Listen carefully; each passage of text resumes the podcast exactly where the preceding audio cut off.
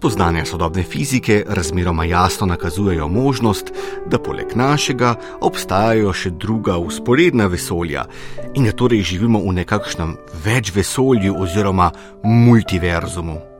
Po teh hipotezah bi stvarnost utegnila sestavljati cela množica kozmosov, ki se bodi si ravnajo po čisto drugačnih fizikalnih zakonih od teh, ki jih poznamo iz našega vesolja, bodi si po istih zakonih le da se ta vesolja od našega vedno znova cepijo in gre tam zgodovina po bolj ali manj drugačnih poteh. Teh idej doslej še ni bilo mogoče eksperimentalno ne potrditi, ne ureči. In vprašanje je, ali bo to sploh kdaj zares mogoče. So jih pa zdaj navdušeno pograbili tam, kjer se pač nikomor ni treba truditi z znanstvenimi dokazi v Hollywoodu. Med drugim so jih uporabili ustvarjalci nad vse popularnega filma Vse povsod naenkrat, ki je pred nekaj tedni prejel tudi najprestižnejšega izmed Oskarjev, tistega za najboljši film. In čeprav lahko rečemo, da Hollywoodska akademija le redko nagrajuje umetniško najbolj polno realizirana dela, se ne moremo pretvarjati, da ameriška tovarna San nima občutka za zeitgeist, se pravi za želje, upanja, strahove in vrednote, ki, vsaj na zahodu, če ne že po vsem svetu, razgibavajo družbeno življenje in ne vse zadnje določajo koordinate tega, kaj se nam zdi možno, kaj zaželeno, kaj nujno in kaj nemogoče.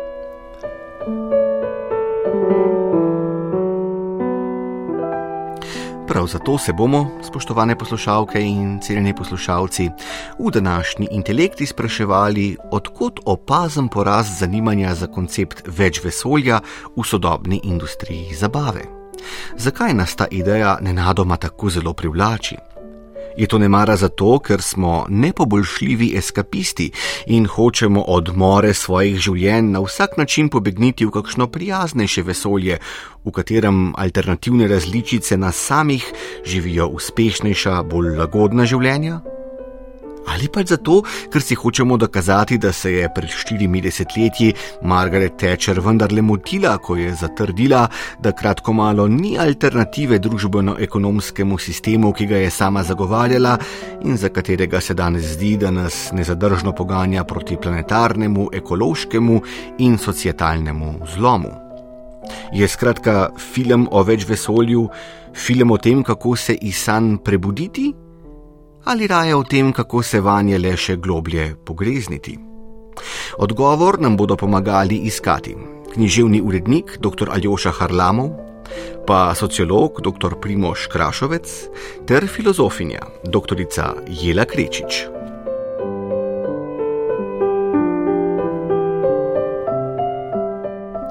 V zadnjih letih smo, kot rečeno, videli kar nekaj izjemno uspešnih filmov, ki se igrajo s konceptom multiverzuma.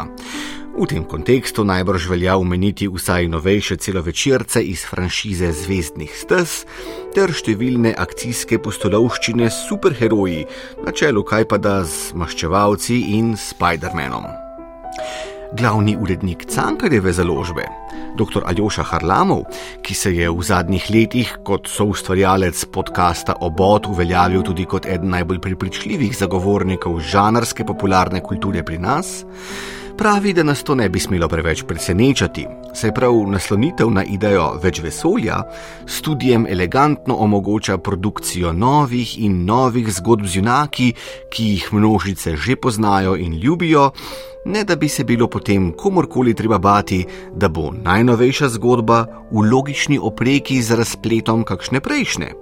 Če naprimer preljubljeni junak v enem vesolju umre, ga lahko scenaristi pač vselej obudijo v kakem drugem. Aljoša Harlamov.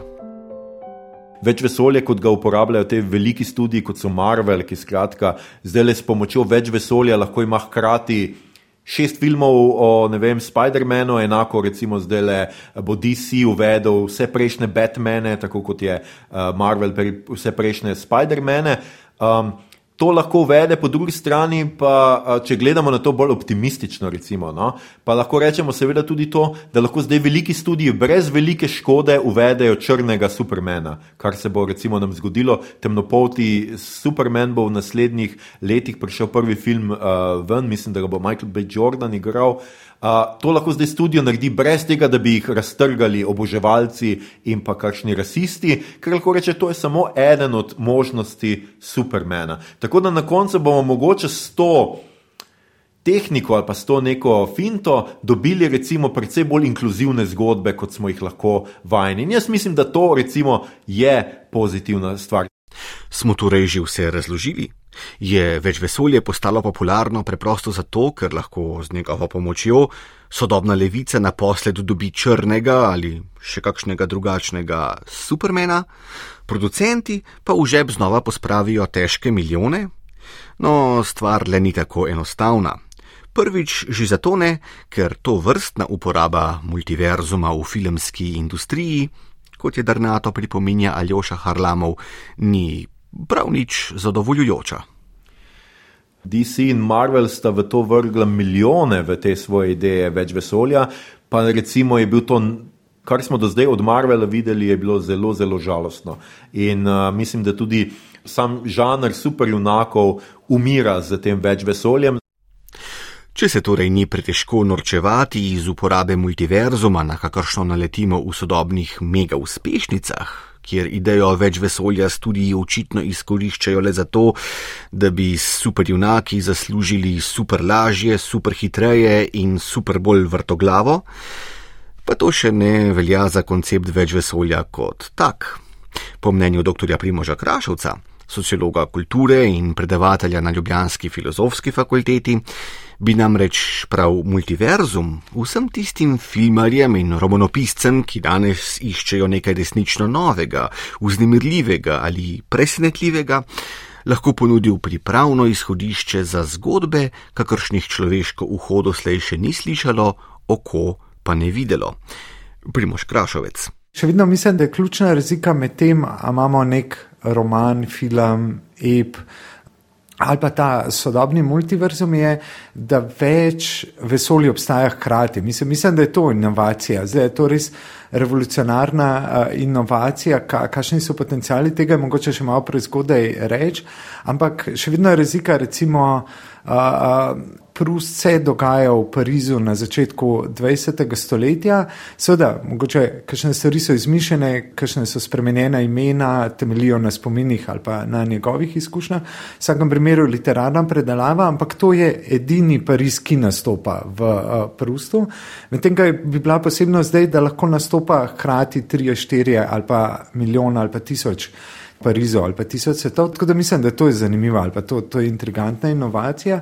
Se pravi, kaj se spremeni v zgodbi, je edino, recimo, kar se je, mogoče je to moja omejena literarna izobrazba, ampak edina podobna stvar bi bila mogoče pri Borgesu, recimo, kakšni namigi, namigi v to smer, da je več sočasnih resničnosti, ki lahko vplivajo drugo na drugo ali pa prodirajo drugo v drugo. Recimo tista Mogoče tista slavna zgodba, ne, ne vem, kaj je že to, mislim, da v tem bestiariju izmišljenih biti o teh eh, rumenih ljudeh na drugi strani ogledala, ki so prisiljeni v posnemanje, ampak se potem pokaže, da je pravzaprav še en usporedni svet na, na drugi strani ogledala. Ampak to, to bi bilo, recimo, sa, sa, kar sam poznam, bi, bila, bi bil en tak recimo, primer.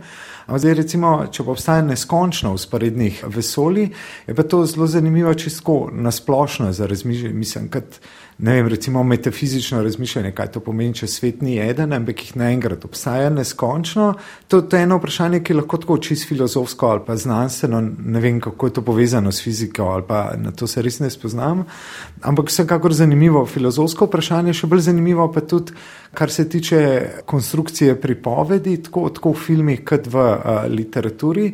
Se pravi, ne samo, da se usporedno uh, opisuje različne vesolje, ampak tudi, kako se lahko to uporablja za zaplet svete, ki ne bi bili mogoči, če opisujemo samo eno vesolje. Se pravi, jaz bi tukaj dal mogoče usporednico potem s tem igranjem, s potovanjem skozi čas, ki pa mogoče starejša metoda, vsaj v znanstveni fantastiki, ker so potem lahko različni triki, paradoksi, srečanje samega sebe in podobno razne. Mislim, da so postali že nekako tako standardni tropi teh časovnih zapletov in zdaj multiverzum to preseli na to bočno ali pa lateralno os, se pravi, so, a, a so mogoče recimo te paradoksi, zapleti, ko se nekaj zgodi, recimo v usporednem vesolju, ampak sočasno, se pravi, ne potovanje počasno, ampak sočasen obstoj množice vesolja. In če recimo se najde način, kako prehajati iz njih, do kakšnih paradoksov to pripelje.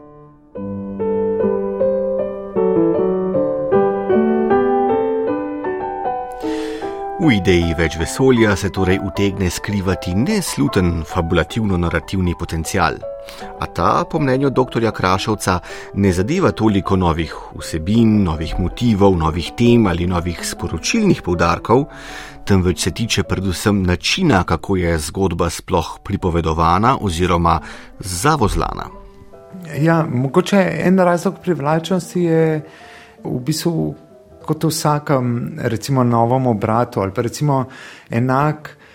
Mislim, enaka privlačnost, ki te nasplošno, recimo v kriminalkah ali pa v žanrskem filmu ali pa literaturi nasplošno, tako kot v kriminalkah pričakujemo, recimo, ve, vemo, da bo nek plot twist, saj če je dobra na koncu, ampak ne vemo, kateri točno. Ampak recimo tisto, kar nestrpno čakamo, cel film je, da bo plot twist in pričakujemo, da bo to kvaliteten, da nas bo presenetil, ker verjetno imamo v tisti uri nekaj, ki traja do plot twista, že več teorij, kakšna bo.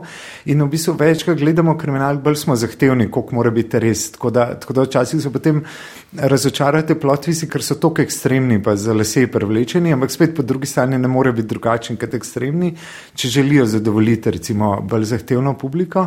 Tako da v tem smislu bi bil multivers bi bil kot nek metaplot, ne, ne nek vsebinski prijem znotraj ustaljenega žanra, ki ima vedno ta obrat na koncu, ampak tako drugačen način tvistanja plota, se pravi to, kar sem že prej omenil, nekaj, kar se iz linearne časovne osi prenese na to sinhrono in potem je bolj, bolj pričakovanje, to, kar sem že prej omenil, ka, kakšen bo mehanizem plot tvista, če ta sinhron, ne, ne več diahron ali pa, ali pa časovni. Po mnenju Primoža Krašovca je glavni adut zgodbe, ki si pomaga z več vesoljem, predvsem formalne narave, saj lahko zgodbo zaplete na nov način, ki bo gledalke in gledalce oziroma bravke in bravce presenetil. Tudi kaj to pomeni, da so ognjemeti to vrstnih štoli omejeni izključno na oblikovno raven in da nam v strogo vsebinskem smislu potem ne morejo povedati ničesar resnično novega? V tem smislu je najprej seveda treba reči, da novi načini pripovedovanja starih zgodb in znanih poant te zgodbe in te poante nujno osvetlijo v drugačni luči, ki potem sredi znanega in prepoznavnega pogosto razkrije še neslutene sporočilne razsežnosti oziroma pomenske tančine. Pa vendar, doktorica Jela Krečič, filozofinja in predavateljica na treh članicah Univerze v Ljubljani, na Fakulteti za družbene vede, na Filozofski fakulteti ter na Akademiji za likovno umetnost in oblikovanje, pravi, da se zgodb, ki si pomagajo s konceptom multiverzuma, v sporočilnem oziroma ideološkem smislu praviloma drži nekaj znanega, domačega, nekaj, kar precej dobro poznamo iz svojih vsakdanjih življenjskih izkušenj. Imamo neko po svoje paradoksalno situacijo, kjer nas obstoječa, predvsem liberalna ideologija, kot posameznike v bistvu neprestano spodbuja, da odkrivamo um, v nekem sosledju, kdo smo, uh, da raziskujemo svoje različne identitete, živimo v različna življenja, skratka skozi uh, svoje življenje čim več eksperimentiramo na sebi, kaj si želimo, kaj so naši okusi, kakšna je naša spolna identiteta. Skratka, vzgib, ki nam ga pošilja ideologija, je to, bod svoj lastni multiverzum, lahko si tisoč in ena različica sebe. Ne? To je tvoje poslanstvo v življenju. Po drugi strani, pa ko pa pride do ustroja družbe, do obstoječega sistema, je pa sporočilo to, tukaj se ne da nič spremeniti. To je to, kar imamo, uh, lahko kaj izboljšamo, kakšno malenkost tu in tam, ampak tukaj pa posameznik in posamezniki nimajo nobene pravice poseganja ali zahtevanja alternative. In ta dva svetova sta seveda povezana. Manj, ko imamo možnosti domišljije, kreacije v polju družbenosti, bolj se zatekamo vase in na sebe eksperimentiramo. Uh, in seveda je tu tudi neka po mojem ideološka mistifikacija, ker vsa ta svoboda, ki nam jo recimo ta ideologija daje, ima to hrbtno plat, da v resnici za vse te odločitve, ki jih sprejemamo in za vse te eksperimente, ki jih izvajamo na samih seb, smo povsem odgovorni sami ne? in tudi vse posledice za te odločitve sprejemamo sami. Tako da v bistvu sporočilo je nekako to, e, tu imaš vso popolno svobodo, bodi tisoč verzij samega sebe, ampak če se ti vmes kaj zgodite, pa družba ne bo prestregla s tem merim recimo na to postopno usihanje zdravstvenega sistema, pa tudi drugih javnih sistemov. Um, tako da uh, to se mi zdi, da je imperativ danes, da na samem sebi postanemo ta multiverzum. Ne? Jela Krečič govori o sirenskem klicu danes prevladojoče neoliberalne ideologije, ki nas poziva naj postanemo sami sebi svoj multiverzum, družbena razmerja pa pustimo, kakršna so. No, nekaj podobnega slejko prej ugotavlja tudi Aljoša Harlamov, ko vleče usporednice med potrošniško družbo neskončne izbire in vrtoglavo množico različnih inkarnacij nas samih, ki jih najdemo v neskončnem več vesolju. Jaz mislim, da je zelo jasno viden tudi en sociološki ali pa bom rekel eksistencialistični vidik, zakaj je danes več vesolje, skratka tako popularno zgodbe z več vesolje, je preprosto tako, ker uh, živimo v dobi, kjer imajo ljudje, temu rečemo, FOMO, fear of missing out, skratka, razvili so celo tesnobo, ker se jim zdi, da nekaj zamujajo.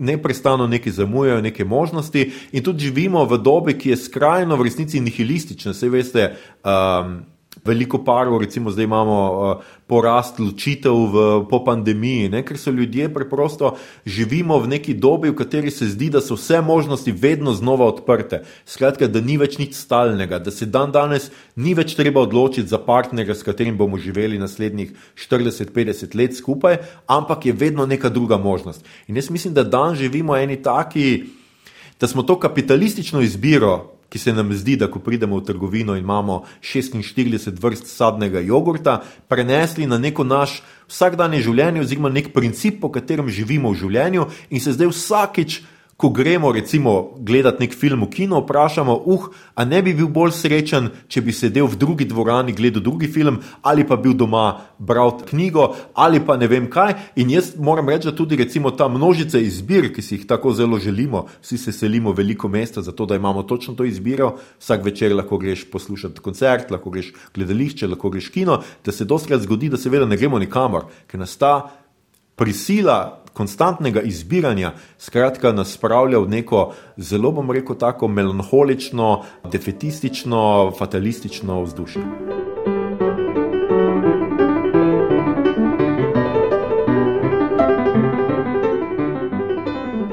Ko so načeloma možne vse izbire, očitno nobena več ni čisto prava. To pa je, kot je še govoril Aljoša Harlamov, lahko vir melanholije, eksistencialne stiske, celo depresije. In zanimivo, natanko to je problem, s katerim se po pripovedovanju Primoža Krašovca sooča Joy, ena izmed junakin v sveže pečenem oskarjevskem filmu Vse povsod naenkrat, ko se sooči z zagatno neskončnostjo multiverzuma. To sporočilo o Joju v njeni najbolj kaotični fazi, ko pride do tega Ivo Robančič momenta, pač, da ni smisla, oziroma da ni nobene podlage ali pa recimo neke, nekega križanca med zem budizmom in poznim Ivom Urbančičem, da ne, da ne samo, da ni smisla, ampak da ni nobene oporne točke, na katero bi se lahko postavili in presojali o tem ali pa določali, kaj je bolj smiselno ali kaj je več vredno od, od česar koli drugega. In mislim, da ta recimo kaotično destruktiven moment je ravno to, kar vse čas ponavlja: nothing matters, nothing matters. Ampak tukaj ne gre samo, ali pa mogoče se začne s tem najstniškim angstom, ampak nadaljuje se pa. Pa dejansko v spoznanje, da če imamo pregled nad milijoni ali pa neskončno količino usporednih vesolij, ker se preigravajo vse mogoče možnosti, vseh mogočih kombinacij, potem res ni nekaj več te samoumevne oporne točke, ker bi lahko rekli, to življenje je boljše. Tudi Aljoša Harlamov je razmišljal o eksistencialni krizi, s katero se v vse posod naenkrat soočata tako že omenjena Joy, kakor tudi njena mama, sicer glavna junakinja filma Evelyn. Obe namreč pogledata v globino več vesolja in tisto, kar tam vidita ju, vsako na svoj način, peha v malodušje, ki ga bomo po mnenju našega sogovornika zlahka prepoznali oziroma začutili tudi gledalke in gledalci. Če mi seveda natančno gledamo ta film, ugotovimo, da imamo v resnici dve poti. Ne? Ona mama, uh, ki jo je igrala Mišel Jeo, ki je tudi prejela Oscarje za to svojo vlogo, je seveda svoje te alternativne poti zamudila. Starejša je, pravzaprav njeno življenje se bomo tako rekli, se počasi izteka, nima več v resnici neke alternative, medtem ko njena hči, ki pa živi v svetu, polnem še ki je še pravzaprav komaj šele prav odrasla, ima pa številne alternative, ampak je ta množica alternativ pravzaprav nekako spravila v depresijo. In tako da jaz mislim, da tudi vse posebej daje zelo žalosten ali pa zelo defetističen, fatalističen odgovor na množico nekih bomo rekli, alternativnih poti. Bodi si je ta množica zamujena in jo lahko gledamo samo še za nazaj, kot neko fantazijo, kot neko predstavo sanjarjenja, ali pa gledamo naprej pač to ogromno množico poti, možnosti, ki jo imamo, in nas to pravzaprav ta količina izbire nas pravi v neko depresijo. Kar jaz bi rekel, da. Pravzaprav izkušnja človeka, ki živi v 21. stoletju, zdaj odvisno v katerem skratka, starostnem uh, razponu ste. Če torej po sporočilni plati multiverzum lahko interpretiramo kot nekakšno metaforo za naše bivanje sredi potrošniške družbe, in če se za nameček pokaže, da načelna možnost neskončne izbire ne prinaša bivanske sreče ali izpolnitve, tedaj se najbrž lahko vprašamo, kako vse posod naenkrat na vse zadnje odgovarja na ta zagatni položaj. Nas ne mara vabi, da se zoprstavimo razočaranju in začnemo radikalno spreminjati temeljne parametre svojih življenj. Jela Krečič pravi, da bomo v pričujočem filmu takšno emancipatorno sporočilo iskali za manj. No, v bistvu je film zanimiv zato, ker dobro, lahko začnemo pač s komičnim izhodiščem, ki je v tem, da glavna junakinja začne pač fantazirati oziroma začne doživljati te alternativne svetove, potovati po njih v trenutku, ko se sreča z davčno uslužbenko.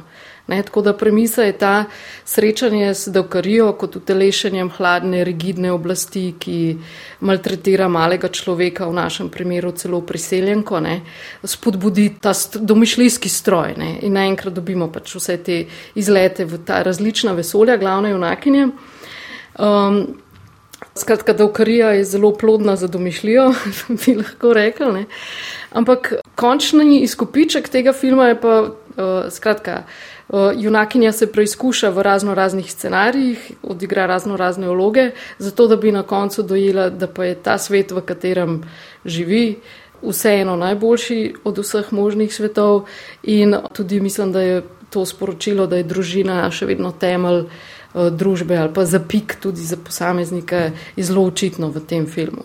Tako da po eni strani imamo neko eksplozijo domišljije in kreacije v tem filmu, ampak samo zato, da bi na koncu prejeli tezo, da v resnici kreacija ni potrebna, saj je to, kar imamo že dovolj dobro. Naša sogovornica ugotavlja, da nas vse posod naenkrat prepričuje, prav kako je to počel smešni filozof Panglos v Volterovem kandidu, da že živimo v najboljšem izmed vseh možnih svetov in da je, če v tem svetu slučajno kdaj kaj le zaškriplje, dovolj že to, da vzpostavimo pristne odnose s člani svoje ože družine, pa bo vse ponovno na pravem mestu. To pa pomeni, da nam ustvarjalci letošnjega najoskarjevca v tolažbo ob soočenju s sodobnim bivanskim malodušjem ponujajo že tisočkrat slišane in zato je precej utrujene, konzervativne, krotke in sladkobne recepte. Pa vendar, Primoš Krašovec meni, da ključni problem tega filma ni toliko v tem, da si ne upa misliti možnosti nekapitalistične družbe, ampak raje v tem, da svoj temeljni koncept, idejo več vesolja, razume povsem antropocentrično, kakor da bi se nam slika vesolja s človekom v središču stvarstva ne podrla že pred stoletji s Kopernikom in Galilejem. Takole je analiziral, kaj je pravzaprav narobe z multiverzumom, kakor so ga zakoličili ustvarjalci filma Vse povsod naenkrat. Vsaka mikroodločitev človeških biti povzroči vesolje, da se razcepi. Tako, se pravi, da ne obstajajo že od Big Banga usporedna vesolja, ampak se generirajo takrat, ko sprejmemo eno odločitev, ki so pa zelo, zelo predvidljive, pa take razočarajoče, stereotipne. To, to je odločitev za poroko, se pravi, a se poročim s tem loserjem ali se odpeljem brez njega.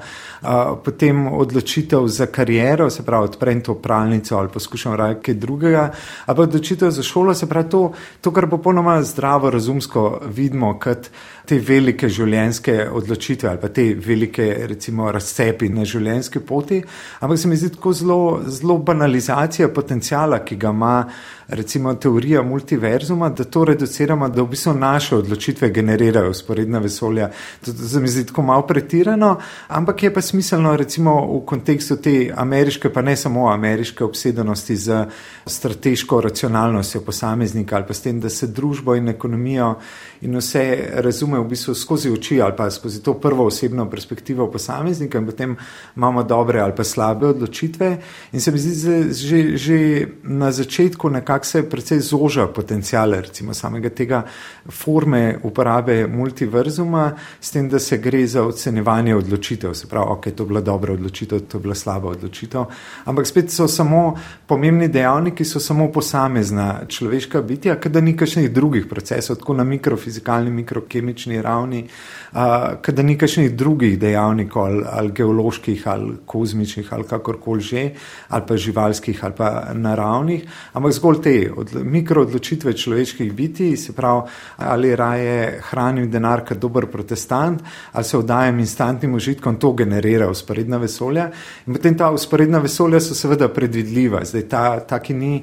Eh, hranijo denarja kot dober protestant, ampak se vdajo instant uh, užitkom, je zdaj loser, medtem ko drug je uspešen poslovnež. Na nek način se tudi film na ta način izteče ali pa te usporedne zgodbe.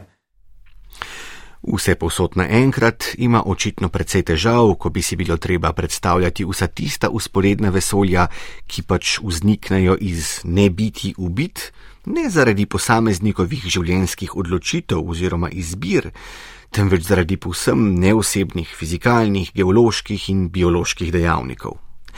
A kaj, če filmu natanko zaradi tega primankljaja domišljije, na vse zadnje tudi zmanjka moči, ko bi si bilo treba bolj drzno zamišljati alternative družbeno-političnemu statusu quo? To je možno. Je pa tudi res, kot dodaja Jelek Rečič, da se v političnem smislu industrija zabave že lep čas ni izkazala ne s posebnim pogumom, ne s prav živahno domišljijo. V bistvu se mi zdi, da znotraj znanstvene fantastike, ki je bila vedno ta žanr, ki naj bi prispeval kakšno utopijo ali kakšen res izmišljen svet, se mi zdi, da smo pristali pri tej logiki, da hrepenimo, kot bi rekel Jameson, ali da, da imamo nostalgijo po sedanjosti, po tem, pač kar je ta sistem, ki obstaja. Ne. Recimo, če pogledamo deklino zgodbo, ki je radikalna distopija, ne, ki se dogaja v svetu neke konzervativne, desničarske, totalitarne oblasti. Po čem krepenijo tam junaki, točno po tem svetu, v katerem se nahajamo mi danes. Ne. Tisti flashbacki, ki jih vidimo v seriji, se vsi nanašajo na, na našo sedanjost, na neoliberalni kapitalizem. Um, Potem, recimo v Igri prestolov, ki je sicer fantazijski žanr, ne, me še vedno nekako skeli konec, kjer uh, so avtori spet prišli nekako do hipoteze, da neka radikalna sprememba ustroja družbe ni možna, da pač elite, ki so na oblasti, so elite, ki bojo ostale na oblasti in da slehrno koketiranje z revolucijo lahko prenese samo teror, zločine, pač še hujše kot je. Ne. Tako da zdi se, kot da živimo v tem prepričanju, da je to, kar imamo, najboljše, kar je sploh lahko, da vsaka alternativa bi k večjemu prinesla samo še večje katastrofe. Ali kot pravi Aljoša Harlamov? Ne glede na to, ali gledate več vesolja v Marvelovih ali v DC-jevih filmih. Uh, vse, vse si lahko zamislimo, vse alternative raznih Spider-Manov, lahko je temnopolt, lahko je hispanik, lahko je ženska, lahko je marsikaj, ampak vedno živi v sistemu kapitalizma. Ne, uh, ne glede na to, kakšne realnosti nam je odprl uh, DC ali pa Marvel, vedno je bilo v vsakem svetu neka oblika kapitalizma. In je to, mislim, da je to Žižek že takrat rekel, ne, da si lažje si zamisliti novo zemljo ali pa ne vem kaj propad sveta, kot pa alternativo, recimo kapitalizmu.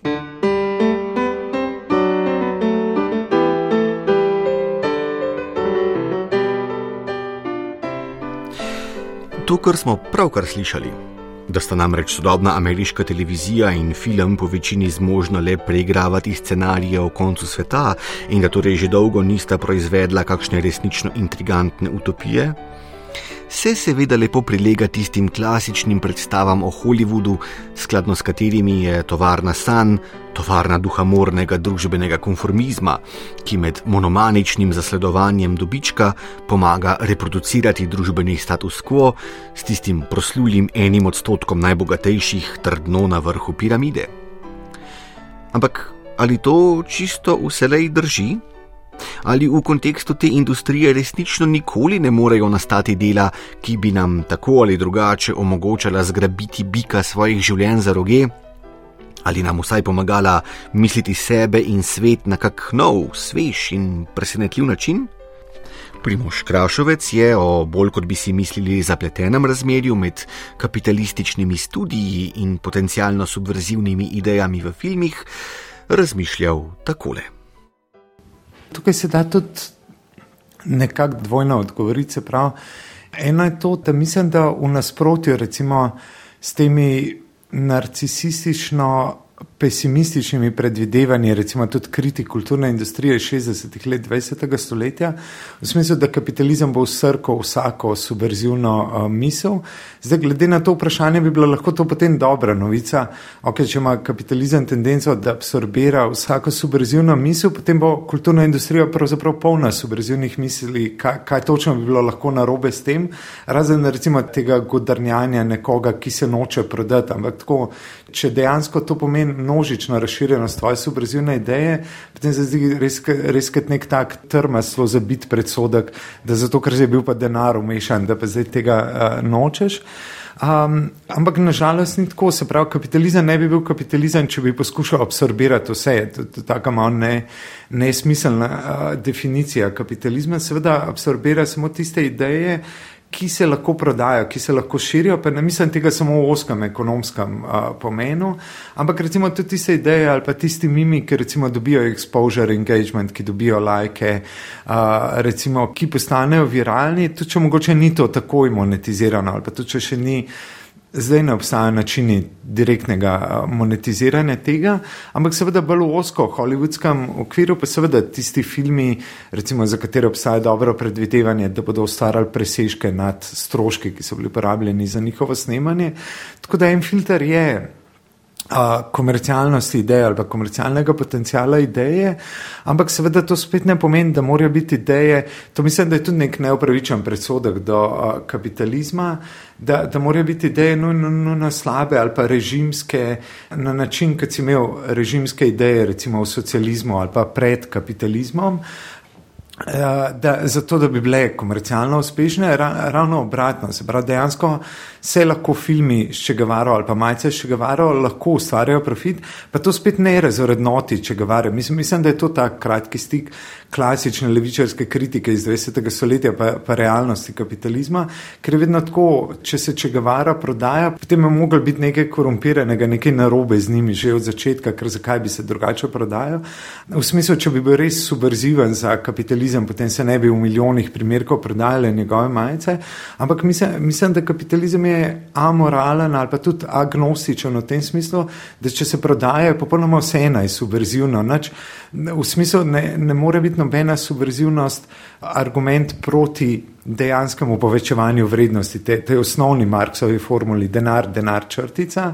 In se pravi, in če, če se, ali pa lahko je nekaj na intelektualni ravni, ali pa na kulturni ravni, subverzivno ali pa kritično, ampak spet, če lahko postane del tega krogotoka, se noben studio ne bo pomišljal, recimo, to spustiti iz rok. Tako da de, definitivno obstaja potencial, ali pa tudi ne vidim, zakaj, če ta formula obstaja, da se denarna vrednost povečuje, zakaj bi to izključevali kritične vsebine. To, to čisto odvisno od strani povpraševanja. Če obstaja množično povpraševanje po kritičnih vsebinah, potem so lahko tudi protikapitalistične knjige bestsellerji in pogosto so ali pa zelo eksplicitno kritični um, in, in obratno. To poanto je naš sogovornik skušal še nekoliko precizneje ilustrirati z nekaj konkretnimi primeri iz sicer nekoliko starejše, zato pa že kanonizirane audiovizualne produkcije. Recimo ta od Miltona Friedmana, kultna uh, serija kratkih videov, ki so zdaj tudi na YouTubu z uh, naslovom Free to Choose, mislim, da je začetka 80-ih, um, ki so zagovor teh koncesionarskih šol oziroma teh privatnih šol ali pa uh, v, v imenu povečanja izbire, proste izbire staršev, pa njihove možnosti odločanja o šolanju njihovih otrok. Zapravo, ena stran je zelo klasična neoliberalna propaganda strani najbolj znanega predstavnika Čikaške šole eh, ekonomije Miltona Friedmana, ampak po drugi strani je veliko bolj učinkovita, razširjena in popularna kot njegove, recimo, bolj akademske knjige ali pa akademska predavanja, zato ker snema na način reklame, recimo kratkih klipov, ki zdaj zelo dobro pašajo v YouTube žanr, takrat so pasali v žanr, recimo razvijajoče se množične televizijske, uh, televizijske, sodobne televizijske estetike, recimo kratkih novic, kratkih klipov, kratkih uh, reklam. Se pravi, so zelo razgibane, ampak hočem reči, čeprav imel recimo prorežimsko vsebino, je še vedno mogel narediti formo komercialno privlačno, zato da je dejansko, da so te njegove klipi postali kultni in viralni. Če, če bi samo poskušal krošnjar z neoliberalno vsebino, bi zelo verjetno ostale obskurne njegove ideje. Se pravi, če ne bi delal na kulturni popularizaciji, sprav, kar sem hotel reči s tem primerom, je, da recimo režimske ali pa pro-kapitalistične ideje niso avtomatično tudi komercialno privlačene, obratno.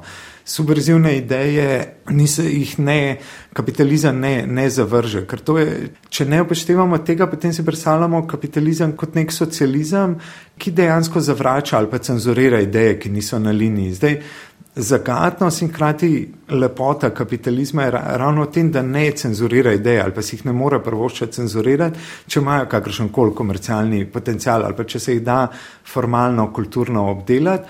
Na način, da so lahko tudi komercialno zanimive. Zdaj, še zadnji primer bi bil ta kultni film, prelomni film Network, mislim, da iz leta 1976, ravno o tej televizijski kulturi, družbi eh, spektakla, ker je ključni produkt ki ga komercializirajo in monetizirajo, je, je ravno jeza, je, je ravno bes, je ravno ta suicidalni obup tega starejšega voditelja. Se pravi, in, in to, to, to je recimo ta čustveni naboj, ki ga potem zapakirajo v produkt in s katerim ohranijo mrežo pri življenju in jo tudi komercialno obustajo. Mislim, da to, to je ravno ta stvar, zaradi katere je mogoče kapitalizem pa ideologijo, pa kulturna sporočila ali pa njihov politični naboj tako težko razumeti, ker, ker se recimo neka ta kritični bes recimo, in komercialna privlačnost la, lahko potekata po istem nezavednem kanalu ali pa se lahko pripneta na isti tok želje, ni, ni nujno nasprotja med njima. Se pravi, ni te jasne ločnice, kot recimo v socializmu, to je pravilna ideja, to, to podpiramo in do nizu vseh zvočnikov, to, to je napačna ideja, to zavračamo in cenzuriramo. Stališču, da je holivudska produkcija na vse zadnje predvsej bolj zanimiva in bolj protislovna, kakor bi si mislili, je po svoje pritrdila tudi Jela Krečič. Ja, če sem lahko malo protislovna, bi rekla, da ja, Hollywood je vedno nujno, absolutno eden od ideoloških aparatov države, kar pomeni, da podpira obstoječo ideologijo, kar pa ne pomeni, da sem in tja in pravzaprav dovolj pogosto proizvede tudi neke izjeme, ki pa um, so pač absolutno presežne in imajo recimo to zrno emancipacije. Pričemer se mi zdi ključno povdariti tudi to, ne, da tudi ko imamo upravka v Hollywoodu s temi povsem nekritičnimi deli, ne, de, produkti, ki podpirajo obstoječi sistem, so tudi ta dela izjemno zanimiva. Zato, ker v njih lahko vidimo, kaj v tistem trenutku Hollywood prepoznava kot neke ključne družbene probleme in potem kako jih poskuša pač za fikcijo, za svojo zgodbo nekako zakrpati. Uh, eden takih primerov se mi zdi recimo uh, zadnji Nolanov Batman, ki je bil očitno inspiriran od gibanja Occupy Wall Street. Uh, in tudi v filmu imamo nek poskus protestov in idejo revolucije. Uh, skratka, ustvarjalci Batmana so zaznali, da obstaja nek uprising, nek protestniški duh v družbi tedajni in so to poskušali nasloviti, ampak seveda so to naslovili na ta način, da se izkaže, da je vodja te revolucionarne množice nek izjemno problematičen protodiktatorski tip, ki lahko prenese samo to revolucijo v najbolj groznem pomenu, z veliko krvi, nasilja. Skratka, prinaša še huje kot to, kar imamo. Tako da po eni strani recimo ta film nakaže, ne vem, morda celo nek razredni boj, ampak ga pa potem tudi s fikcijskimi sredstvi nekako odstrani oziroma amortizira, pomiri z pač nekim narativom, ki je pa izjemno tradicionalen, skoraj da konzervativen. Tako da hočem reči samo to, da tudi najbolj ta ideološka dela so po svoje zanimiva. Ne? Ampak imamo pa seveda kupico tistih, zaradi katerih se zdi, da je vredno, da Hollywood, zabavna industrija sploh obstaja že od svojih začetkov. Pa bi bilo med temi ustvarjalci, zaradi katerih nas lahko samo veseli, da Hollywood vsemu na vkljub vendarle obstaja, mogoče koga posebej izpostaviti? Naša sogovornica je odgovorila takole. Ja, prvi, ki mi pade na pamet, je Tarantino in predvsem njegovi filmi, ki zadevajo revizijo zgodovine. Zakaj se mi zdi to zanimivo? Pač, kot sva že povedala, doslej, živimo v tem svetu možnega. Ne? Pač, ideologija je ta, da ni možna alternativa, fikcija nas uči, da niso možni boljši svetovi, da je ta najboljši. Tarantino je pa tip režiserja, ki se vrne v zgodovino in jo malo predrugači, pač po svoje. V Džangu brez okov, neslavnih barabah, pa tudi v um, konec koncev bilo je nekoč v Hollywoodu. In vsi ti filmi nam sporočajo, kaj? Da Tarantino ni zadovoljen z zgodovino, pa ni zadovoljen s tem, kako se scenaristika loteva zgodovine, ni zadovoljen s tem, kako se filmi lotevajo zgodovine, zato pač dela svoje filme. In sporočilo je to, pač realnost je slaba kreacija. Ne, ne imeti realnost za nekaj, kar je nesprejemljivo, kar je naravno, kar je neutralno. Ne, To je nekdo zelo slabo zrežiral. Potrebna je boljša režija.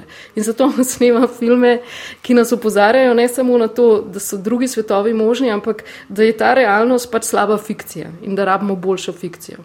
Tako da on bi bil definitivno eden od teh, ki jih uh, izjemno cenim v tem pogledu, da ne jemlje resno samo režije, ampak na nek način jemlje resno tudi utopijo, vsaj kot možnost. Uh, Um, po drugi strani bi pa izpostavila to, no, da ne smemo hkrati pričakovati preveč od posamičnih holivudskih del. Uh, težko si zamišljam namreč neko serijo ali pa film, ki bi, kaj pa vem, v trenutku zamenjal obstoječi red ali spodbudil hude politične menjave. Ampak včasih je dovolj že to, da uh, določen popularno-kulturni produkt nakaže neko možnost tam, kjer je prej nismo videli.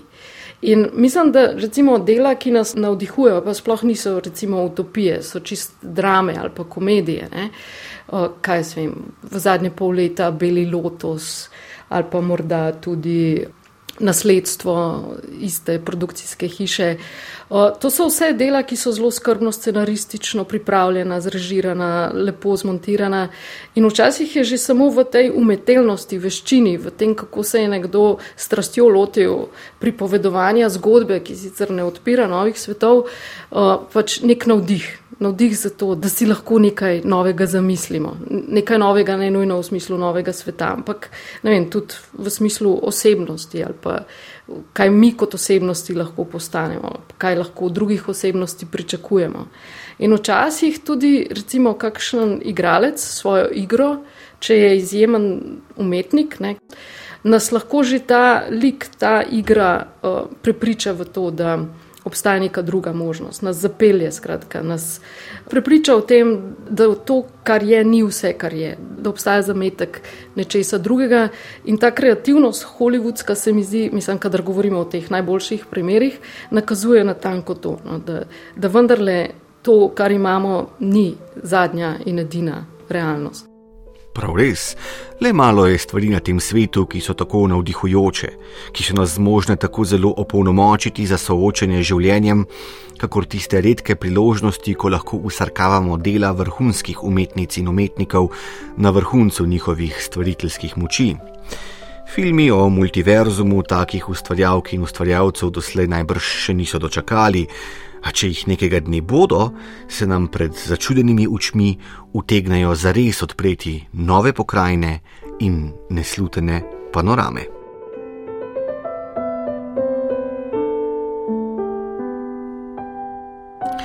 S tem smo prišli do konca današnje intelekte. Gostje pred mikrofonom so bili dr. Aljoša Harlamov, dr. Primoš Krašovec in dr. Jela Krečič.